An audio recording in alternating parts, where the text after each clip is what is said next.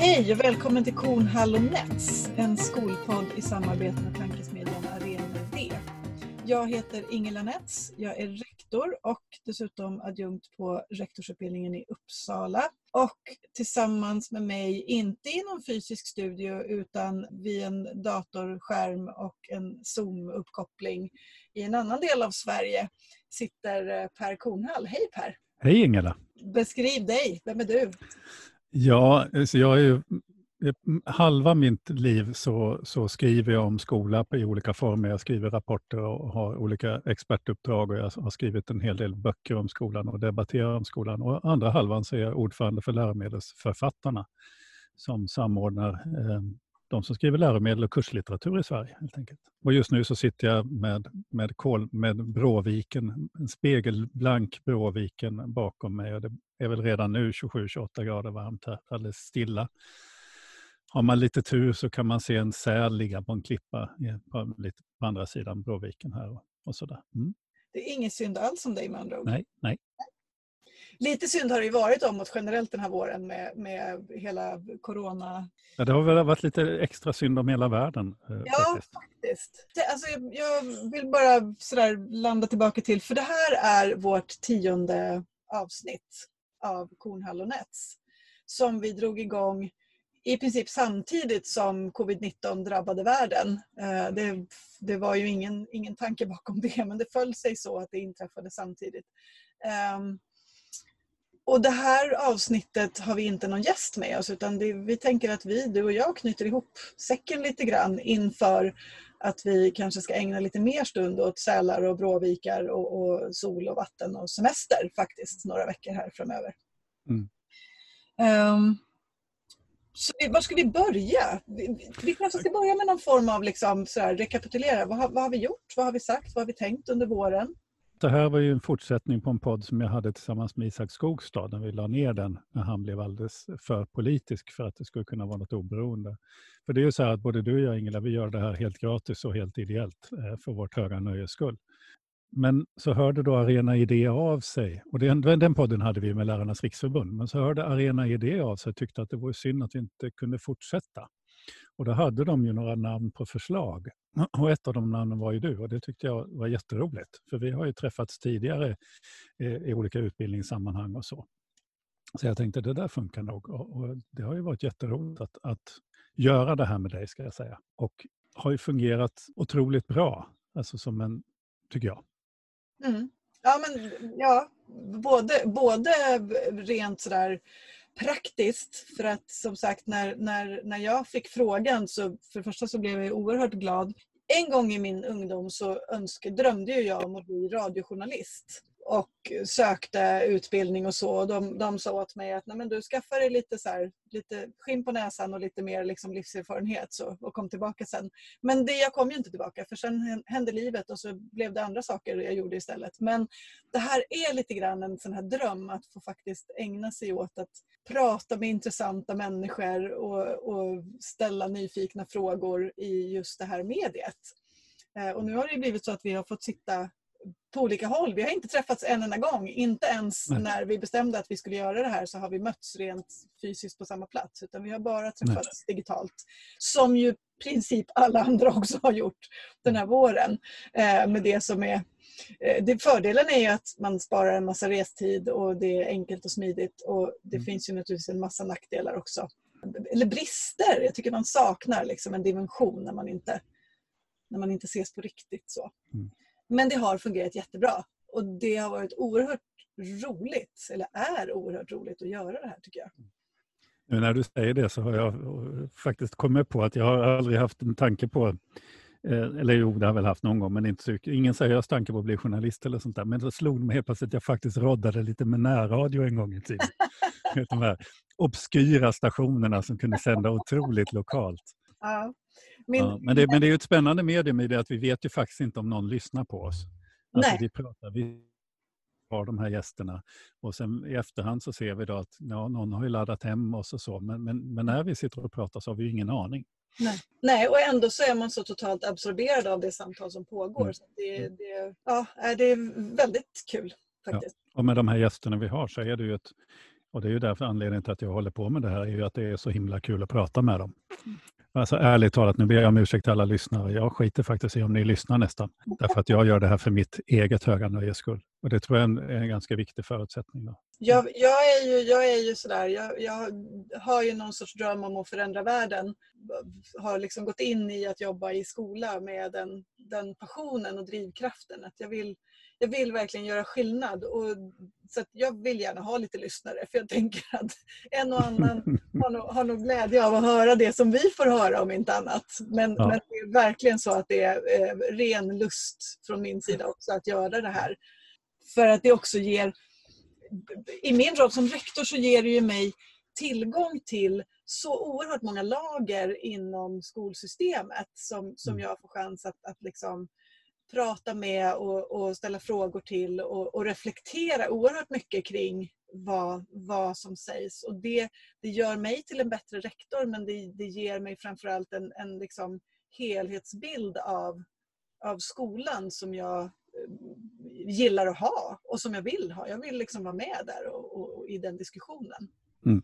Ja, nej, men det är ett, ett enormt privilegium. Och, och, så. Om vi då tittar på de avsnitt vi hade så, så först pratade du och jag lite grann om coronakrisen och sånt och sen har vi pratat med fackföreningarnas, lärarfackföreningarnas ordförande, vi har pratat med en statssekreterare, vi har pratat med elevorganisationer, vi har pratat med en journalist och till slut och kommunstyrelsens ordförande också. Det är ju en ganska, alltså det är ju ett brett spektrum på människor som vi har pratat om. Då. Mm. Eh, under allt, framförallt kan man väl säga i början var vi ju väldigt så var det, då var det ju väldigt, väldigt svårt att undvika att prata och därför hade vi ju ett program om bara det, där bara du och jag pratade om vad, vad händer nu egentligen med coronakrisen och skolan och så. Det har ju varit omöjligt av, av alla möjliga skäl att, att undvika att prata om just de utmaningar som drabbade eh, skolan i, i, eh, på grund av pandemin naturligtvis. Så det har ju legat som någon sorts raster, framförallt i de första avsnitten. Då. Ja. Och det är inte på något vis så att det har minskat i, i, i samhället eller att det inte är viktigt och inte kommer att vara viktigt. Men det var bara det att det var så chockartat då. Mm.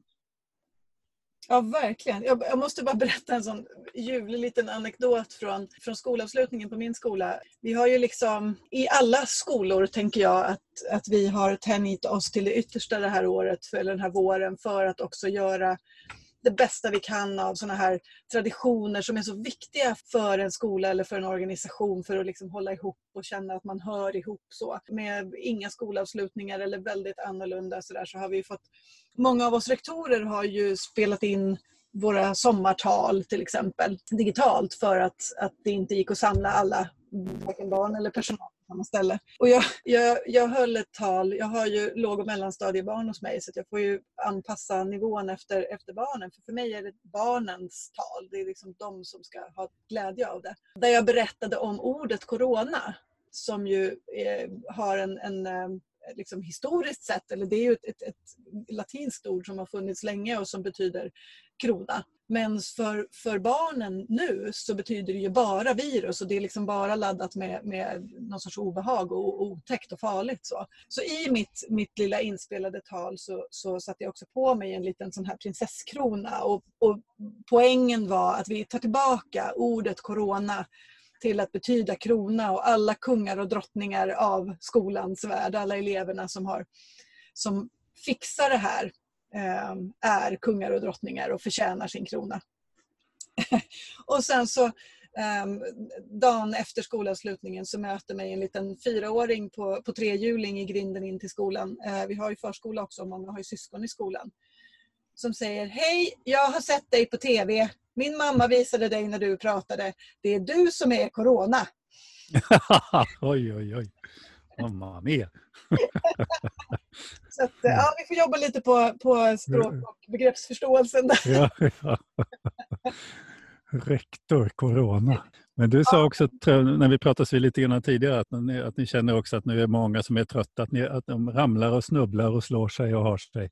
Ja, vi, vi, så här års är ju människor i skolans värld generellt ofta väldigt trötta för att man, mm. man, det är intensivt och man vet att man har liksom den där målsnöret någonstans där precis runt midsommar. I år är vi definitivt tröttare eh, än vad vi har varit tidigare år. Så är det mm. tveklöst och det tror jag att jag ser och hör i, i, i alla, de, alla de sociala sammanhang där jag träffar andra, eh, både rektorer och lärare och annan skolpersonal, att ja, så är det nog generellt. Mm. Vi är mm. extremt trötta. Och det var väl lite grann, vi tar de här avsnitten som vi hade i början då med fackföreningarna, med, med, med elevorganisationerna och med Erik Nilsson, så var det ju inte minst Erik Nilsson uppe på utbildningsdepartementet så var det påtagligt hur, hur slitna de var. Ja. Att försökt att de hade ju jobbat arbetstimmar. Eh, det är människor som jobbar hårt, nog vana vid att jobba hårt i många sammanhang, men som aldrig någonsin i hela sina liv hade jobbat så hårt som under de här veckorna när de skulle få alla författningar och allting på plats och, och, och, och hålla skeppet flytande så att säga, försöka navigera i det här. Enorm arbetsinsats. Mm. Men annars tycker jag att det som också då dök upp under de här första samtalen var ju, vad ska man säga, hur mycket alla tycker om skolan. Mm. Ja. Att tillbaka till skolan. De här eleverna som inte gick i skolan längtade tillbaka till skolan. Och, eh, lärarfackens ordförande uttryckte hur mycket lärarna längtade efter sina elever. Och, alltså skolan som social arena blev väldigt påtaglig eh, i de här samtalen, tycker jag, på olika sätt. Och att den sociala arenan är den pedagogiska arenan. Alltså det mm. finns inte en motsatsställning mellan de här på något vis. Så. Finns ingen pedagogik utan relationer och skolan är en plats för relationer. Ja, men då, det har vi verkligen vi har, det har vi liksom prövat på riktigt på ett helt annat sätt den här våren med, med fjärr och distansundervisning i alla dess former. Och, och, vi har lärt oss massor, det ska, vi, det ska vi ta med oss, för det har vi verkligen. Och jag tror att vi kommer att bli skickligare beställare om inte annat av system och, och, och digitala mm. verktyg och, och, stödfunktioner och så vidare. Därför att vi, vi har sett vad som, vad som verkligen funkar och vad som inte inte gör så stor skillnad. Men, men när vi liksom skalade bort det här lagret av, av relationer, av möten, av liksom öga mot öga eh, i, i samma rum så, så blev det ju... Jag tror, att, jag tror att känslan är att det blev väldigt torftigt. Mm. Och det är en chans att sätta ord på vad, den där, vad det där relationella perspektivet faktiskt gör i, i en lärande situation. Mm. Men jag skulle vilja fråga dig en sak. För, för, för det har ju blivit så att vi pratar om, och det kan vi prata om, om mer om, alltså vad, vad har hänt i skolan? Med hjälp av, alltså vad, vad, vilka steg har hänt när det gäller eh, fjärrundervisning i digitalisering? Eh, men jag blir lite, lite störd av att fjärrundervisning alltid betraktas som en digitalisering jag vet inte om du förstår vad jag menar, jag menar att skicka hem en, en fysisk bok eller att, att göra någonting fysiskt mm. eh, med sina händer eh, eh, hemma på distans. Alltså allting måste ju inte skötas med elektroner bara för att det är fjärrundervisning. Nej. Alltså förstår du vad jag menar? Att vi, vi, det finns något sånt automatiskt likhetstecken. Är det klart att kommunikationskanalen blir digital. Mm. Men frågan är, betyder fjärrundervisning alltid att allting som sker, sker digitalt? Nej det, nej, det kan det verkligen inte betyda. Det var väl också en lärdom som många drog ganska snabbt, tänker jag. Jag har ju en, eh, en, eh, en dotter hemma som tog studenten här för några veckor sedan eh, och alltså gjorde sina sista månader på gymnasiet under den här pandemitiden. Och det blev så uppenbart att säga, en komplett fjärrundervisning kan ju inte bara innehålla här har vi en kort instruktion, du får en presentation av en lärare och sen så har du en, en liksom skrivuppgift eller någonting som du ska göra på egen hand och sen lämna in och få, få liksom bedömd och betygsatt och så vidare. Utan det behöver ju ta sig en massa olika uttryck. Precis som du säger, det behöver ju göras saker som, som också görs med kroppen och, och utan en dator emell, som liksom filter emellan. Så. Ja, men det är väl en av de saker som, som jag känner en farhåga för, och den har ju lyfts i omgångar under våren tycker jag i olika sammanhang. Det här att det finns en risk att huvudmän eller de som sitter på liksom makten i skolan och som också räknar pengarna eh, kommer att se att wow, här kan vi spara. Här kan vi liksom sätta 80 elever framför en skärm med en lärare. Och Det är väl där någonstans som vi måste liksom ta diskussionen vidare nu. Att det är inte det som är vinsterna med att jobba med, med digitalisering. För att vi tappar så många dimensioner att lärandet inte blir, blir av tillräcklig kvalitet då. Men det kan vara en hjälp förstås. För jag menar, vi har fortfarande en situation där vi, vi, har en fortsatt jättehög lärarbrist och den måste vi hantera. Och i, i glesbygdsområden så, så behöver man kunna jobba på distans eh, med undervisning för att täcka, mm. liksom, täcka in det som mm. krävs att skolan ska kunna leverera. Mm. Men, men det kan jag bli lite bekymrad och då får jag kliva in i min roll som, som, som ordförande i läromedelsförfattarna. Då, för vi har ju precis eh, gjort en undersökning och vi har tittat på läromedelskostnader i svenska skolor. Och det var, vi, vi fick 300 skolor som svarade helt enkelt på vad deras budgetar för läromedel såg ut. Om man då ser skillnaden. Alltså, snittet i Sverige ligger på någonstans 650 kronor per skola. Vi hittade många skolor, nästan en fjärdedel, där det var under 400 kronor per elev och läsår som man la på läromedel. Medan det fanns många skolor, eller kanske 10 procent, där man la över 1500 kronor per elev och läsår på läromedel. Men om man överhuvudtaget tänker sig att det här digitala, det kan ju vara både digitala och analoga läromedel, det spelar liksom ingen roll, men att förutsättningarna för lärande ser så väldigt, väldigt olika ut. Mm. Alltså, då pratar vi återigen, vi är så lättvindigt med att prata om digitalisering som att det är en enda sak. Men vi har hela tiden de här skiftande förutsättningarna för barn och ungdom att lära sig någonting. Om man då tänker sig klassrum där de inte har en utbildad lärare och där man heller inte får köpa in något läromedel som är gjort av en lärare eller pedagog. Och sånt. Då, alltså, jag tycker det är väldigt, väldigt bekymmersamt. Och det där har vi varit inne på, de här likvärdighetsfrågorna. Ja. Om vi ska gå vidare i, vår, i våra samtal under våren så hade vi utredaren för likvärdighetsutredningen, Björn Åstrand, med oss. Då. Ja. Då var ju det fokuset, var ju likvärdigheten i svenska skolan. Ja men verkligen. Vad, vad, vad var dina reflektioner kring det samtalet? Björn, jag, jag har ju inte träffat, eller hade inte träffat Björn tidigare. Men, och jag vet att, jag tror att jag sa det direkt efter det samtalet. Jag kände mig lite så här som en, alltså, jag, jag kände att jag verkligen blev undervisad. För att han, han utstrålade eh, så mycket kunskap och så, en sån bredd i sin liksom, erfarenhetsbas. Så. så det var en sån här rent personlig, liksom, härlig känsla att, att vara i ett sånt samtal.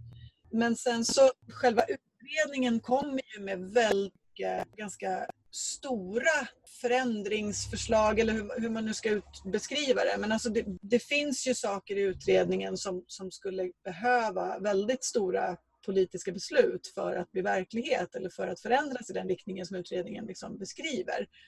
Och jag tycker att det är jättespännande nu att se vad, vad kommer att hända framöver. Hur tas den här vidare? Var, liksom, kommer den att, att, att, drunkna i floden av, av massa nya saker som dyker upp hela tiden? Eller kommer och vågar och kan den politiska makten liksom stanna upp tillräckligt länge i de här frågorna och, och faktiskt vrida och vända på dem? För att mm oavsett vilken, vilket förhållningssätt vi har till friskolor eller inte eller liksom vinster i välfärden och, och, segregation och allt vad det nu är så är vi väl ändå ganska överens om att så som systemet ser ut idag så, så gynnar inte det alla elever på det sätt som är liksom skolans intention. Mm. Det, I det senaste samtalet som vi hade alldeles nyligen här med, med Katrin Stjernfeldt Jammer från, från Malmö stad så var det en av de saker som hon liksom pekar på. Just att systemet motverkar på något märkligt vis det som står inskrivet i styrdokumenten om huvudmännens ansvar för och statens del, viss del ansvar för, för den svenska skolan. Mm. Och där, det måste ju förändras på något vis, tänker jag. Men det ska bli jätteintressant att se vilka, vilka, vilka de kommande stegen blir. Mm. Och det tror jag, jag tror det är jätteviktigt. Det, I det samtalet var vi inne på just den här ska säga, bristen på samstämmighet mellan hur systemet fungerar och ambitionerna eh, i systemet. Då. Och det kanske är någonting vi kan plocka upp sen till hösten, att ja. försöka rota lite grann i hur det faktiskt blev på det här viset som det blev. Därför att till skillnad från nu när vi har, nu har vi ju tusentals sidor med utredningstext igen om skolan. Så de stora förändringarna som skapade de här anomalierna i systemet som vi ser, de skedde ju väldigt snabbt och på väldigt påfallande dåligt utredningsunderlag. Eh, och det där är ju en intressant historia, att vi har hamnat i hela skolsystemet så att säga drabbats av snabba förändringar som var dåligt utredda. Ja, det där är något som jag också känner, det där måste vi ta tag i till hösten. Det där, du kan mycket om det, men jag vet alldeles för lite och blir mm. nyfiken. Så den, mm. den delen måste vi också... Och där finns det lite paralleller till det här med corona. Jag menar, vi monterade ner hela apoteksmonopolet och slarvade bort att vi måste ha beredskap för en kris. Ja, naiva ideologier har fått tillåtit styras så att vårt land har blivit mer sårbart som, som land. Mm. Om du tänk, förstår vad jag menar. Mm. Och där är väl, tror jag väl alla har, liksom, hoppsan, tycker vi alla. Ja. Ja. det var inte riktigt meningen eh, så, att det skulle Nej. bli på det viset. Ja, det ska bli spännande. Vi har, vi har flera bollar att ta med oss mm. till, till hösten, vilket känns bra. För det betyder att vi måste fortsätta med det här. Ja. Vilka fler bollar då? då? När vi hade pratat med Björn Åstrand och, och, och, och, tittat på likvärdighetsutredningen eh, så, så har vi, sen har vi i ett par avsnitt fått fördjupa oss i så säga, forskning som, som befinner sig mycket, mycket närmare där jag befinner mig, liksom, på golvet, i skolan, i mm. klassrummet. Vad händer där? Mm. Både när vi pratar med Majsa Lelin som är, är sociolog, sociolog och eh, Anette Janke och Åsa Hirsch som har skrivit en rapport där man ställer just den här frågan. Var, trots att vi satsar så mycket på att göra förbättringar och, och, utveckla skolan så ser vi inte att saker händer i den utsträckning som vi hade förväntat oss. Och vad beror det på? Och det, där kan man ju förstås dra parallellen liksom, i, i någon sorts systemteoretiskt tänk. Så där, om, om det inte händer på den lokala skolan vad ska till för att det också ska hända på, på liksom politisk maktnivå? De där två samtalen för mig, de berörde mig djupt. Eh, just därför att vi kom in på, klassrumspraktiken och på undervisningen. Och mm. på undervisnings, hur undervisning i svenska skolor har förändrats på grund av hur systemet är riggat också tycker mm. jag är viktigt. Och det var faktiskt också eh, Katrin från, från Malmö inne på, att de tidigare hade ett styrsystem som gjorde skolorna rädda. För det var ju faktiskt vad hon sa, även om man inte alltså man drar ihop det hon sa, så var det att deras tidigare styrsystem i Malmö gjorde skolorna rädda, så att de blev defensiva när man kom ut. Man, man ville visa upp en bättre sida. Eh, man vågade så att säga inte visa upp vem man var och så vidare. Och det där tycker jag fanns med i både i Majsas och i Anettes och Åsas diskussioner här. Hur, hur man liksom försöker säga, hålla ryggen fri i skolsystemet mm. istället för att, att undervisa. När, när Majsas uttryck om, om att vi har gått från en undervisningspraktik till en, till en kriterieförmedlingspraktik tycker jag är, sätter på något vis fingret på det här och någonting som gör mig så där djupt, djupt oroad och liksom ledsen in i själen. Mm. Eftersom det rör vid det som jag menar är centralt, som var centralt för mig som lärare. Mm. Alltså, det var ja. själva raison d'être för mig i, i klassrummet var ja. att vara undervisande. Ja. Att förmedla kunskaper, att tända den här gnistan i ögonen. Och så... den, delar ju, tänker jag, liksom en, en, absoluta majoriteten av, av lärarkåren och alla vi som, som har valt att jobba i skolan delar ju den där. Ja. Och, och liksom, varför gör vi det här?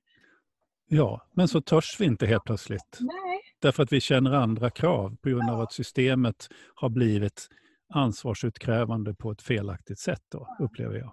Och jag vi, blir, vi blir på något sätt, liksom, för, för jag tänker att det det är nog kanske inte alltid så att vi medvetet tänker så nej det här vågar jag inte säga eller göra för det är mot, mot någon sorts yttre krafter. Utan vi har ju blivit så, så liksom blinda i vårt eget system att vi inte ens märker att det är mm. det vi gör. Att vi mm. reproducerar någonting som, som i längden inte, inte mm. är det som, som, som, skolans, som är tanken med skolan. Så. Eh, det, jag tycker, för jag har ju, nu har jag, jag är ju så, så, sådär att jag lyssnar ju på våra avsnitt eh, också själv sen, kanske flera mm. gånger ibland. Därför att när man sitter mitt i det här samtalet så, så är man ju både fokuserad på det som sägs för stunden men också för vad ska vi prata om alldeles strax och vad är nästa fråga och sådär. Så, och jag, jag tänker att jag har fått väldigt många insikter om vilka mekanismer det är som, som liksom styr mig i mitt dagliga jobb som rektor.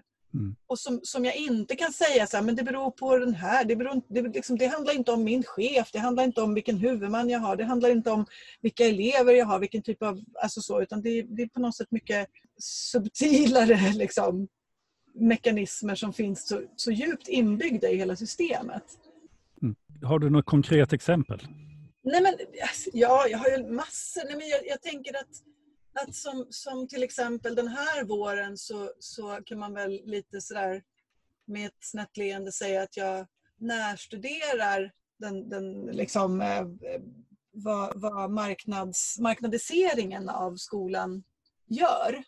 Därför att den skolan som jag jobbar på just nu har hamnat i ett läge där vi har en, en nybyggd konkurrent som, som dränerar min verksamhet på elever just nu. Och det blir ju ett... Och jag ska säga det, alltså jag, jag har ju en marknadsföringsbakgrund. Jag tycker att det är jätteroligt och bra att vi blir duktiga på att berätta i skolan om vad, vad, vad vi är bra på, vad vi gör och, och, och, varför och på vilket sätt och så vidare. Jag tycker att det är bra att, att människor kan, kan välja skola för sina barn utifrån pedagogisk inriktning, hur, liksom det lokala huret, eh, hur man jobbar med, med undervisningen och så vidare. Men jag märker ju på mig själv att jag har lagt enormt mycket tid den här våren på det som liksom blir konsekvenserna av att jag tappar elever så behöver vi ju på något vis rädda situationen och helst locka till oss andra elever som kompensation för de som byter skola. Och det blir ju någon sorts så här liksom eh, dominoeffekt tänker jag i systemet. Mm. Därför att mina rektorskollegor, vare sig de jobbar kommunalt eller på en friskola, gör ju precis samma sak. Mm. Och, och, vi, vi slåss om samma barn. Och, och jag får kämpa hårt för att liksom hålla fokus på det som, som enligt styrdokumenten är mitt fokus som rektor, att, att leda det pedagogiska arbetet. Och det, det, drabbar ju hela, det drabbar ju hela skolan. Det här är det mm. som vi mycket, mycket, mycket liksom ägnar mycket tid åt att diskutera. Mm. Och i, om vi tar det, det, liksom det klassiska exemplet som också finns, det finns en, en nu, nu är det rätt många år sedan, men, men eh, en studie från, från Örebro som, som visar hur en kommunal skola drabbas av den här ned, en sån här nedåtgående spiral därför att, eh, så att säga, eleverna far iväg någon annanstans och så minskar resurserna och, och, och vad som då händer i den skolan. Eh, och för mig är det bekymmersamt eftersom, och det är lite grann det som Katrin också uttryckte från Malmö, det, det gör ju att det är omöjligt att faktiskt upprätthålla det här vad ska jag säga, vuxenvärlden eller samhällets ansvar för att ge varje barn en bra skola. Därför att själva systemet gör att vissa skolor får problem. Därför att det finns ingen planering, alltså det, det som händer är inte planerat. Nej. Eh, utan där kommer helt plötsligt stora nedskärningskrav på grund av att tio elever har slutat i en klass. Så, så blir hela situationen omöjlig. Mm. Och det drabbar de här barnen direkt. Mm. Eh, för att vi har en, liksom en så rå marknadsstyrning av svensk skola. Mm. Och det tycker jag är viktigt också, eh, precis som Katrin sa, att det handlar inte om friskolor eller kommunala skolor, utan det handlar mer om spelreglerna som man har upprättat. Alltså tilltron på marknaden som, som modell för att uppfostra barn eh, mm. kan jag tycka är problematisk. Mm. Och jag vet ju, nu har ju vi lite olika bakgrund och folk kan nog tycka det, att det är konstigt men, men, men eh, jag menar, du, du, du jobbar på en friskola, en ja. vinstdrivande koncern medan jag däremot är känd som en någon sorts eh, rabiat kritiker av sådana eh, skolor. Vilket inte stämmer för jag är inte kritiker mot skolor, och inte mot lärare och inte mot rektorer men jag tycker inte om systemet. Mm. Men jag kan ju se att det finns i, i Malmö en liten friskola som tar ett stort socialt engagemang som faktiskt agerar mot sina föräldrars eh, uttryckliga vilja och placerar sin skola närmare de mer utsatta barnen, alltså ja. nybyggd skola och så. Ja. Eh, det handlar mera, man kan ta socialt ansvar på olika sätt, men det kan inte vara så att vi har ett system som slår sönder det sociala ansvarstagandet som man vill ta i samhället.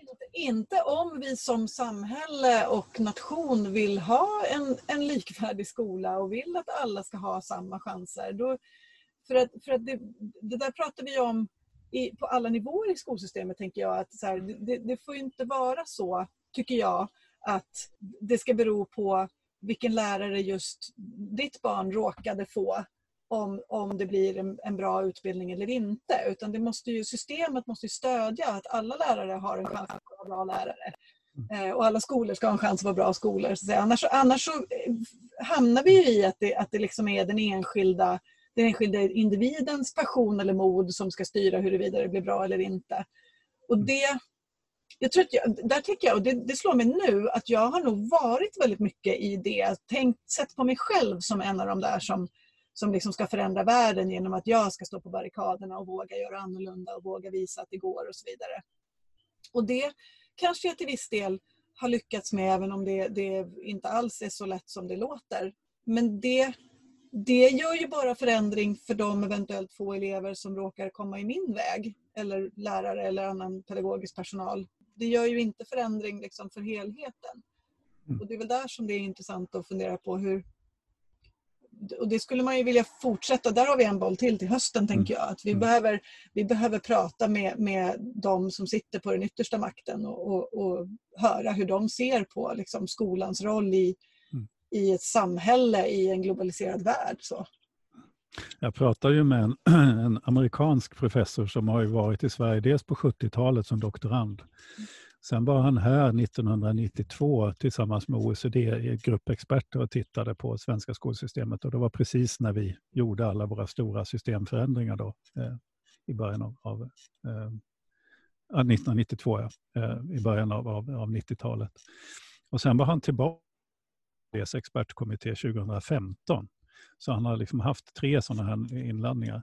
Eh, men det han uttryckte till mig som han, var, som han tyckte var mest och han uttryckte sig väldigt, väldigt starkt. Alltså han uttryckte som att det som, som chockade honom mest, mm.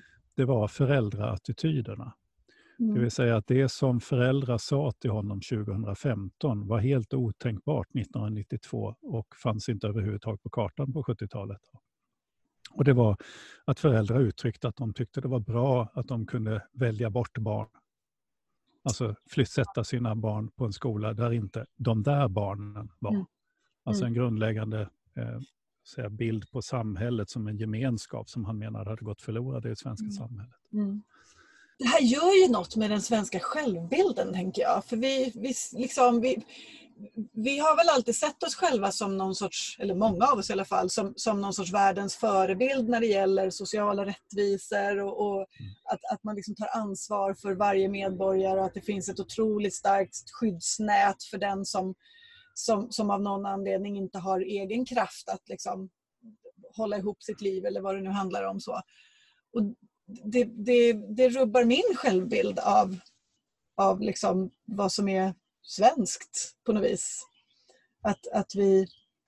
Mm. Att, ja, men att, vi, att, att vi har, har tillåtit oss att, att hamna i ett system där där vi, där vi gör skillnad på människor. Och, men det här har varit en diskussion bara de senaste veckorna i, i sociala medier i skolans värld också. Det här att, att, att man, någon, man, man som skolledare liksom ringer på referenser på elever när elever mm. önskar en ny, byta till ny skola. Och även där är det ju inte så att det bara, alltså det är inte bara friskolor, det är lika mycket kommunala skolor. Det är, det är liksom systemet igen. Uh, för att man inte vill ha elever som, som så att säga, kostar mer resurser i, i bemärkelsen att de, de inte liksom ingår i, i den här mittennormen som, som klarar skolan med, med, de, de, ja, med en lärare i ett klassrum. Så. Um, och det, där, det, det skrämmer mig faktiskt. Mm. mm. Ja, men det är samma som för mig också nu i pandemitider. Det är en helt annan diskussion och så, men, men att vi verkar tycka att det är okej okay att, att, att, att tio gånger fler dör i vårt land än vad som har dött i, de nordiska länderna. Bara, bara vi liksom ja, bara samhället i stort klarar sig så inte vi som medborgare, alltså lite, vi kan ta lite smällar liksom på ett sätt som, som jag tycker är, är kusligt. Alltså eh, värnandet om den här enskilda individen blir bortkollrat i det här systemen som vi håller på med. Då. Mm. Jag tycker det är mycket märkligt faktiskt. Ja. ja. Men du, vad, nu, mm. nu är det sommar. Ja.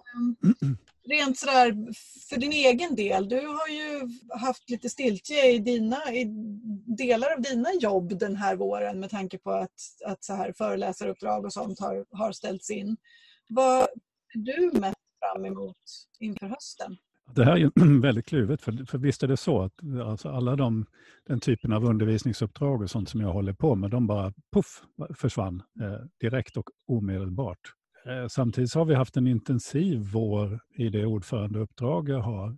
Och samtidigt som jag, alltså jag är lite kluven till det här, alltså det här lite östtyska tempot som har infunnit sig i, i mitt och samhällets liv. Jag tycker, ja, det har ju sina fördelar det också. Då. vad ser jag framför? En svår fråga. Det, det jag hoppas på, för det är också så att, alltså, att leva under en pandemi med allt, det, alltså, rädslan, oron i samhället, eh, att försöka förstå vad som händer på, det, det, det är liksom psykiskt jobbigt. Hade jag haft så här mycket tid Alltså jag, vi har haft det otroligt bra ekonomiskt, inga problem eller något sånt där, så att det, det har inte drabbat oss på något sätt. Men hade man haft så här mycket tid och det inte hade varit en pandemi så hade man ju kunnat gjort en massa saker och, och skrivit en massa saker och sånt. Men jag har inte riktigt haft det fokuset, ska jag vara ärlig och säga. Att jag har kunnat göra det. Så det hoppas jag väl mera, att, att få tillbaka eh, fokus och drivkraft i hösten. Men innan det så ska jag ha riktigt, riktigt, riktigt ledigt här i sommar och bara ja, verkligen ladda batterierna, för det tror jag vi alla behöver. Mm. Sen kommer vi få fortsätta i höst. Då. Men, men sen i vårt här samarbete så det finns ju en massa trådar här. Vi får fundera över vilka är det vi kan prata med? Vilka kan vi förstå mera genom? Vilka namn, vilka personer, vilka, vilka lärare, vilka rektorer, vilka forskare, vilka skolledare och, och allt tjänstemän och allt vad det kan finnas där ute som, som kan hjälpa oss att förstå mera av, av det som pågår. Då. Mm. Vi... En som jag jättegärna vill prata med det är, ju, det är till exempel Per Molander som, som ju kommer med den stora jämlikhetskommissionens eh, betänkande. Eh, och de är försenade eller de har fått uppskjutet till augusti eller något sånt där. Så det kunde vara ett lämpligt namn i höst. Jag jättegärna vill prata med till exempel. Mm. Det kan vi passa på att säga då till dig som lyssnar att vi tar ju jättegärna emot tips på namn och personer som, som, eller ämnen som du tycker att det skulle vara intressant att vi, att vi eh, fördjupade oss lite grann i det, det vore jättekul. Och det är bara att mejla till någon av oss. Du hittar adressen där. Där du hittar podden så finns det kontaktuppgifter. Men jag, alltså jag, jag kommer tillbaka till det här när du beskriver din, din vår. Eh, och, och så, så, så, är det ju så, det är så paradoxalt därför att jag ser ju också det. Men jag har, eh, I min absoluta närhet så har jag en familjemedlem som har jobbat hemma sedan i mars. Eh, helt och hållet. Liksom. Um, en annan som, som eh, blev tvungen att sluta på sitt jobb därför att det blev, eh, man hade inte råd att ha kvar personal och så vidare. Så att, medan jag har jobbat mer än någonsin, mm. eh, åkt till jobbet varje morgon, kommit hem sent på kvällarna, varit totalt utschasad medan övriga familjen då har liksom längtat efter sociala kontakter. Och det här att liksom, Åh, nu kan vi väl hitta på något kul. Och jag har varit som en, en, en eh, död nästan så, bara velat vila och inte orkat. Liksom. Så det, det, finns en så oerhörd paradox i det här att, att för vissa yrkesgrupper så har ju den här våren inte alls betydit, betytt det här liksom, vad sa du, östtyska. östtyska. Utan verkligen tvärtom. Ja.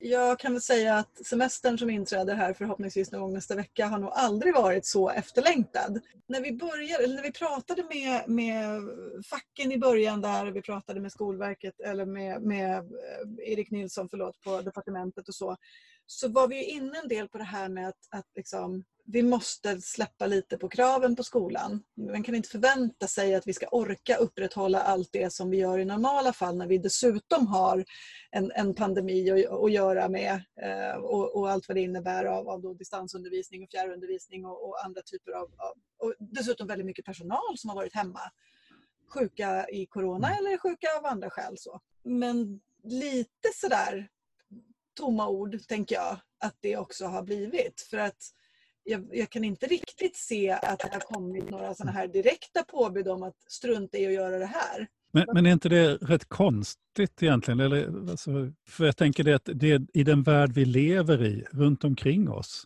så har skolorna varit helt stängda. Folk har suttit hemma i sina lägenheter. Mm. Och så tycker vi att vi ska vara så jävla duktiga.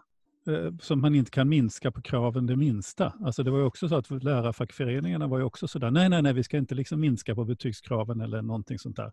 Mm. Nej, men, men i, i, andra länder så har de inte ens kunnat genomföra distansundervisning. Alltså barnen har bara varit hemma. Mm. Jag har, ju, har ju en bekant i Sydamerika, det är det mest, ett av de mest utvecklade länderna i Sydamerika, men de har inte haft någon undervisning. De har bara varit hemma. Mm. Så. Alltså i den, om vi tänker oss den globala, så, så, så, i, mitt i hela det här kaoset så, så ska vi vara så superpräktiga och så superduktiga också. Eller? Ja, ja. Och, och, och, men jag tänker att det, jag tror att det finns två sidor av det. Dels så finns den där alltså, passionen som vi som jobbar i skolan drivs av. Vi Mm. kan inte liksom vända ryggen till och tänka att nej, men vi struntar i de här eleverna. Alltså, vi, våra hjärtan blöder ju för de barn som, som, som får det betydligt svårare att lyckas eh, den här våren. Och, och, menar, de barn som inte fixar sina studier på egen hand, de behöver vår hjälp.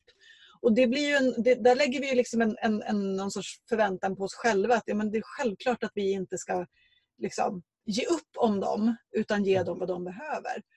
Men det finns ju också en aspekt av liksom det, alltså den här marknadiseringen igen då, tänker jag, någon sorts kundskola där man som, som kund förväntar sig att få den leverans man är van att få. Alltså få, få betygsmatrisernas rutor uppfyllda.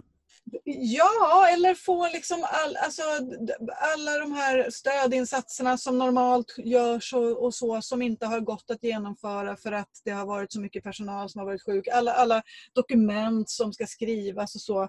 Det är ju det jag sitter med nu bland annat för att, för att komma ikapp. Och jag, nu, nu, det, här, det här är ingenting som jag har liksom checkat av med mina rektorskollegor så jag kan inte säga om det kanske bara är hos mig det har blivit så här. Men, men min känsla är att det är nog så lite här och var. Att Mm. vi, vi, vi glömmer fort när, när vi tänker att men nu syr vi ihop det här läsåret och så är allt som vanligt igen. Så. Fast det är det ju Mm. inte och det har inte varit Mm. som vanligt. Nej.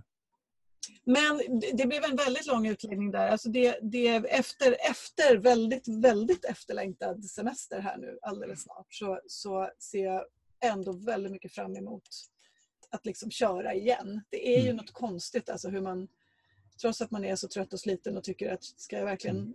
göra allt det här en gång till så gör man det så gärna och jag längtar efter att liksom välkomna tillbaka eleverna i skolan och, och Mm. och börja liksom en, ny, en ny sida i den där boken på något vis. Och Ja, jag längtar oerhört mycket efter att kliva in i, i eh, den akademiska världen Mm. eh, och, och få vara med och, och leda eh, för- fördjupning och fortbildning för, för rektorer. Det ska bli oerhört spännande. Ja, Först tänkte jag så här att jag är välkommen in i den akademiska världen. Det kanske inte alltid är så kul. Men, men så kom jag på att just att leda utbildningar är alltid roligt. Ja, Verkligen, och särskilt tänker jag när man är alltså, 40, 40 väldigt eh, kompetenta rektorer med varsin medarbetare för att också stärka att det handlar om hela skolans utveckling och inte bara rektors lärande i ett rum. Det kan ju bara bli bra för det, kan, det blir otroliga samtal och det, det, det finns ett driv där som ska bli Ja. jättespännande att få vara med i. ja. men det är ju så. De här, där vi bland annat träffades då i de här utbildningarna jag hade på Academedia. Det, det var ju sånt otroligt privilegium att, att, att få sitta med så mycket kloka och, och engagerade människor och samtala. Det var jätte, jätte, jätteroligt. Mm. Det är, man lär sig oerhört mycket på det. Ja Man får verkligen närma sig det med respekt när man, man, man håller på med sånt här. Ja. Känns det som att vi är redo att runda av den här terminens Ja, korna? det tycker jag. Det har varit jätteroligt. Det har varit jättespännande. Min bild. Jag ser fram emot att träffa samtala med mer kloka människor tillsammans med dig under hösten. här. Ja men verkligen. Jag, jag håller med till 100 procent. Det, här är, det här är guldkant på tillvaron att få göra de här eh, intervjuerna och samtalen. Så det ser jag också oerhört mycket fram emot. Och vi ska säga tack till Arena Idé som faktiskt är de som också tar ansvar för att klippa ihop våra ibland lite ostrukturerade samtal till väldigt bra poddavsnitt som eh, Mm. Mm. man kan lyssna på. Det tycker jag att ni ska göra. Ja. Mm. Ja, tusen tack till, till Arena och, Ja. och tack till Herman och, och eh, Helena framför allt där, som har hjälpt oss med detta. Verkligen. Och tack till alla våra eh, gäster som vi har haft. Vi har tackat dem Ja. individuellt förstås, men nu gör vi någon sorts kollektiv. Sådär. Det har varit jättespännande att träffa så många Mm. olika människor eh, från olika delar av skolsystemet. Och, men alla någonstans jobbar mot liksom samma, Mm. samma mål. Ja, det är ju det. Det är det som är så roligt med, med undervisning, med utbildning. Alltså det, finns en, det finns en sån kärlek och passion och drivkraft i det.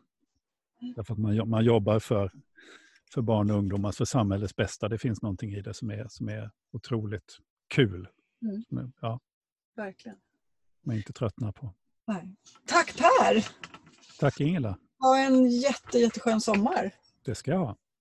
Du har just lyssnat på avsnitt 10 av Kornhall och Nets, en skolpodd i samarbete med tankesmedjan Arena Idé. Vi som gör podden är Per Kornhall, oberoende skolexpert och Ingela Nets, rektor och adjunkt på rektorsutbildningen. I princip varje avsnitt så intervjuar vi en eller flera personer vars kunskaper eller arbete är relevanta för den svenska skolan. Och så gör vi några nedslag där vi också själva vrider och vänder på perspektiven och, och våra egna tankar kring skola och, och, samhälle. Du kommer att höra mer av oss i höst. Nu tar vi några veckors sommarvila och sen är vi tillbaka. Du kommer att fortsätta hitta oss där du hittar poddar även i fortsättningen. Ha en jätteskön sommar. Tack och hej! Hej då!